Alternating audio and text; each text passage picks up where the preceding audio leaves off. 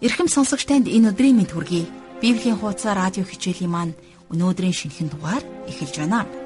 Түрүүчийн дугаарт бид итгэлээр амьдрдаг ба амьдрдаггүй хүмүүсийн хоорондох асар том ялгааг олж харсан. Итгэлээр амьдарч байсан Калиб Хиброн гихч хүсэж мөрөөдөж байсан тэр газар нутгаа шагналуулхан хүлээн авсан. Тэр 40 жил цүлд явж байхдаа хүртэл амлсан газрыг дотроо харж улам их залуужж байсан.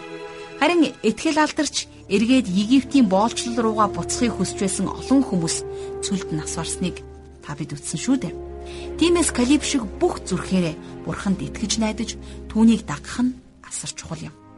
Өнөөдрийн хичээлээр бид Израилийн овг аймагуд өөрт оногдсон нутгаа хэрхэн эзлэн авсан тухай үзэх болно. Бид өнөөдөр Йошуа номын 15 дугаар бүлгээс 18 дугаар ишлэлийг хамтдаа уншиж судлах болно. Ингэхдээ тэдний хандлагаас болж ямар үр дүн гарч байгааг харах болно. Энэ бол бидний суралцах цаг. Магадгүй хичээлтэй холбоотой асууж лавлах зүйл байгаа бол бас суралцсан зүйлийнхаа төлөө гэрчлэхийг хүсэж байгаа бол та бидэнтэй заавал холбоо ораарай. Бид таны холбоо орохыг тесэн ядан хүлээж байна. Харин одоо хичээлдээ орохоос өмнө энэ цагийг бурхан даатгаж хамтдаа залбирцгаая. Их эзэн Есүс минь би таньдаа шинэ өдрийн төлөө талархаж байна. Өдөр болгон та шүн үгээ өгдөг учраас танд бүх алдар магтаалан байх болтугай. Өнөөдрийн хичээлээр дамжуулан та бидэнд юу ойлгуулахыг хүсэвэ? Эзэн минь ээ бидний зүрх сэтгэл, бидний оюун бодол, бидний амь амьдрал үүнд нээлттэй байхыг хүсэж байна. Тэгээд та таны эсрэг бидний дотор гим нүгэл алдаа зөрчил байгаа бол та уучлан өршөөж өгөөрэй. Тэгээд та хоёр дахь боломжийг нэгүслэр биднийг дүүргээрэй. Таны үгийг бид зүгээр сонсоод өнгөрдөг биш. Бид амен гэд өнгөрдөг биш. Эсвэл тэр тухайн үеийн л үйл явдал байна гэд өнгөрөх биш. Харин өнөөдөр ч гэсэн Бурхан Йошуа номоор дамжуулж үгээ хэлж байна гэсэн тийм л сонор, сэргэг, итгэмжтэй бас дуулууртай зүрх сэтгэлээр өнөөдрийн хичээлийг сонсоход та бидний чихийг, бидний зүрх сэтгэлийг сонор, дуулууртай байлгаарай. Эзэн минь хичээлийн энэ цагийг эхнээс нь дуустал би танд өргөж Есүс Христийн нэрээр залбирanгуйч байна. Амен.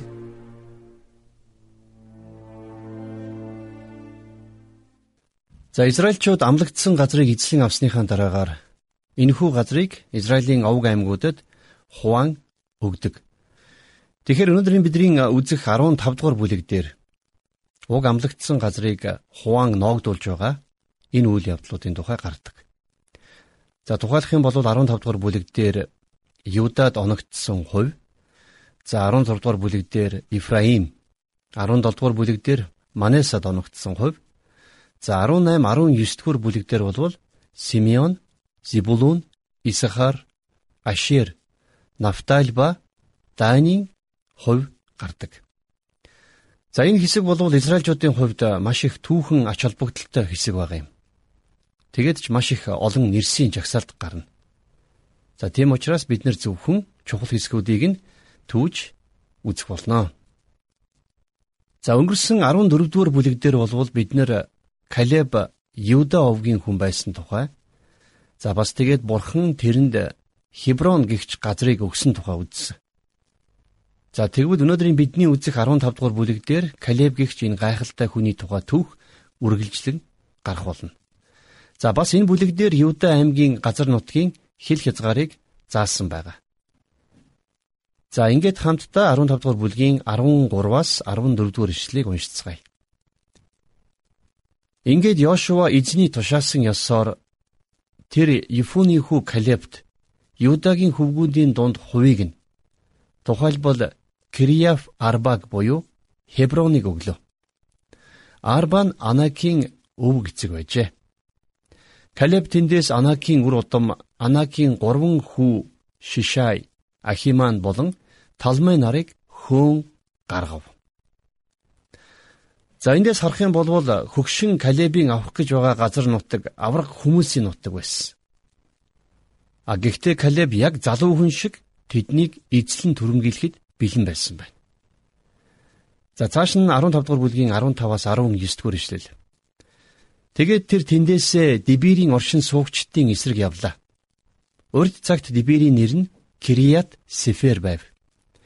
Ингээд Калеб Кирият Сеферийг довтлон эзэлсэн хүнд би өөрийн охин Ахсаг ихнэр болгон өгнө гэлээ. Калебийн дүү Кенасын хүү Отниел түүнийг эзэлсэнд тэр түүнд өөрийн охин Ахсаг ихнэр болгон өгөв. Тэгээд Аксаг Отниэл дээр ирэхэд тэр түүнийг эцгээсээ идлэн газар гуухыг ятгав.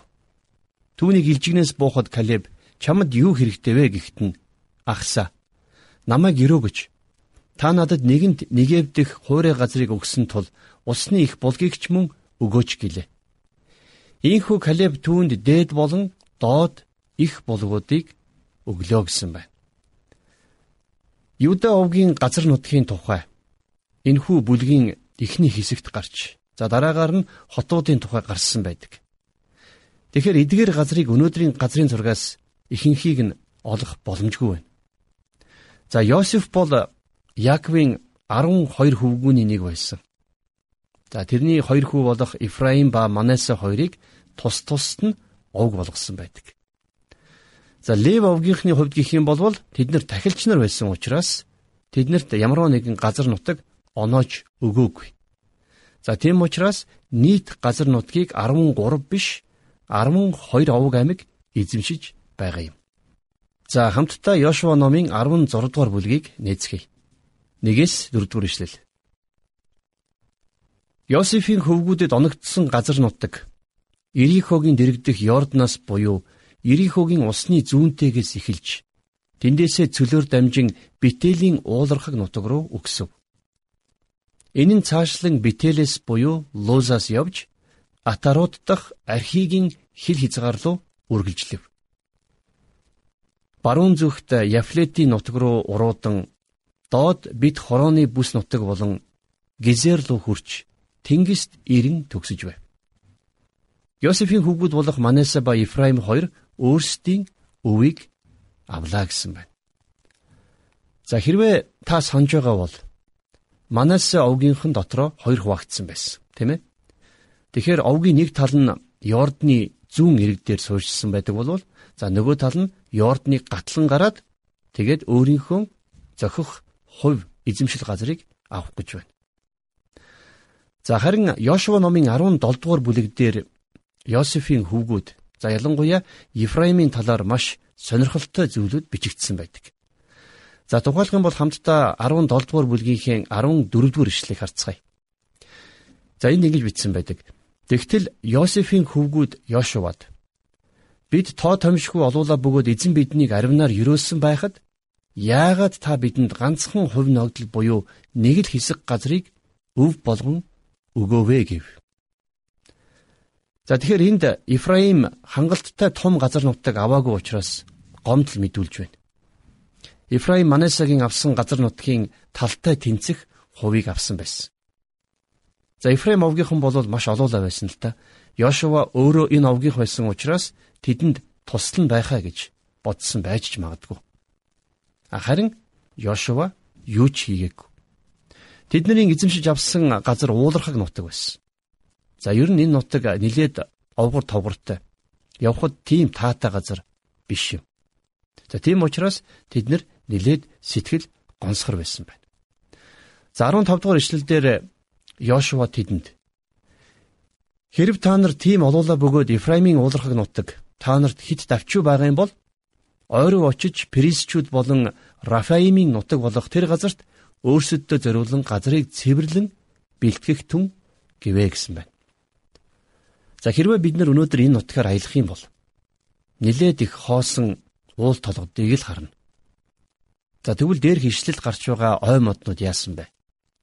Энэ нутгийг олон зууны турш төрөмгийлэн эзэлж байсан дайснууд нь бүх толгодыг нь цөлмөн хоосолсон юм.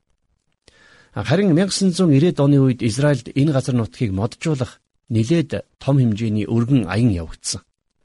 За тэгээд энэ газарт урд нь мод ургаж байсан тул дахин ургах боломжтой гэдгийг баталсан байна. За бас Христийг амьдарч байх үед олив модтой уул бол модтой байсан, тийм ээ? Хэрвээ тийм байгаагүй байсан бол Юдас Христийг олох гэж байсан хүмүүсийг дагуулж ирэх шаардлагагүй байсан. Христ цовдогдохоос өмнө энэ ууланд дагалдагч нартайгаан хамт цэцэрлэгт байсан.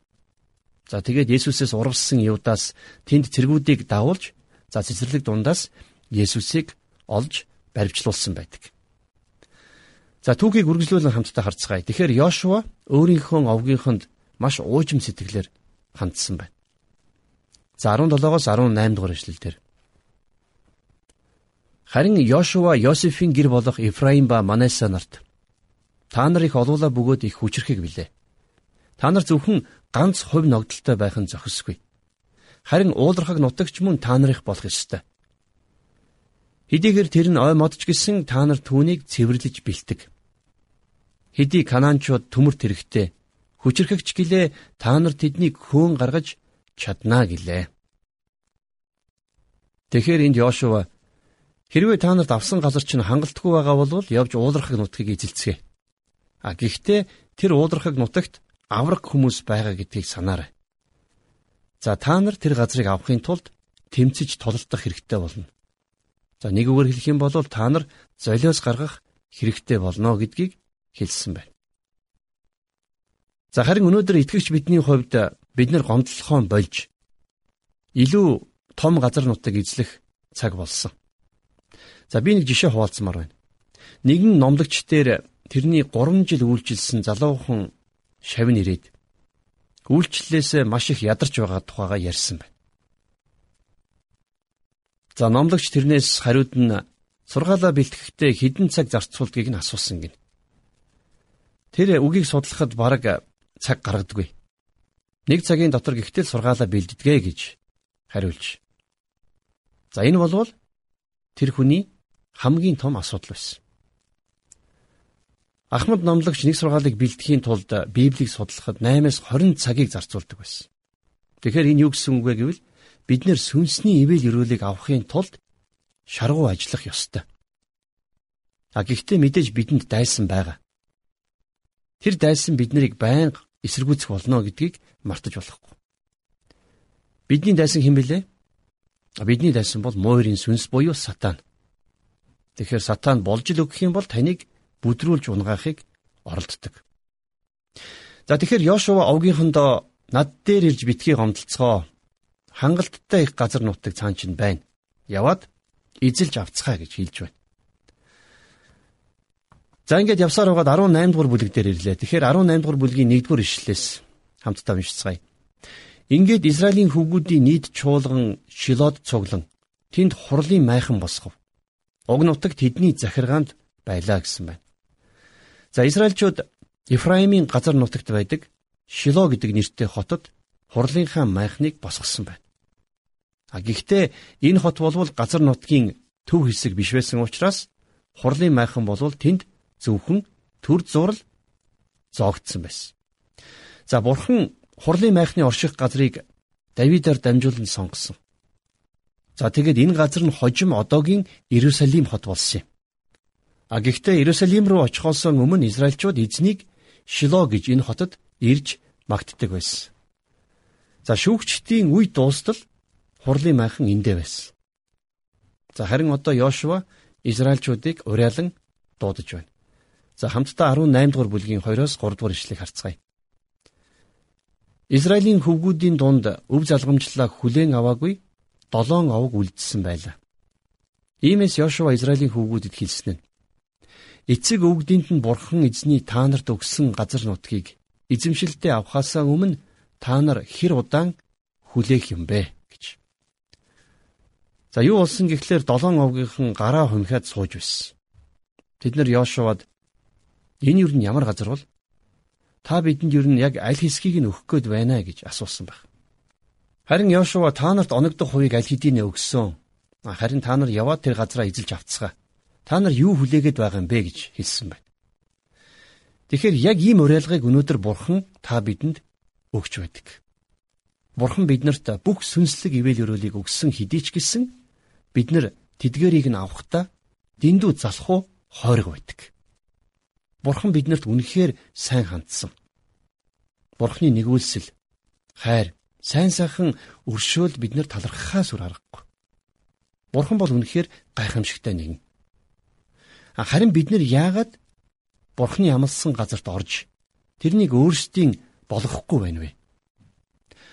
Йошуаг ингэж уриалсныхан дараагаар Израилийн овгууд өөрсөддөө оногдсон газар нутгийг эзэлж эхэлсэн байдаг. За Биньямины овгийнхан Юдагийн газар нутаг. За бас Ифраим ба Даны овгийн дундах газрыг өвлөн авснаар 18 дугаар бүлэг өндөрлөж байна.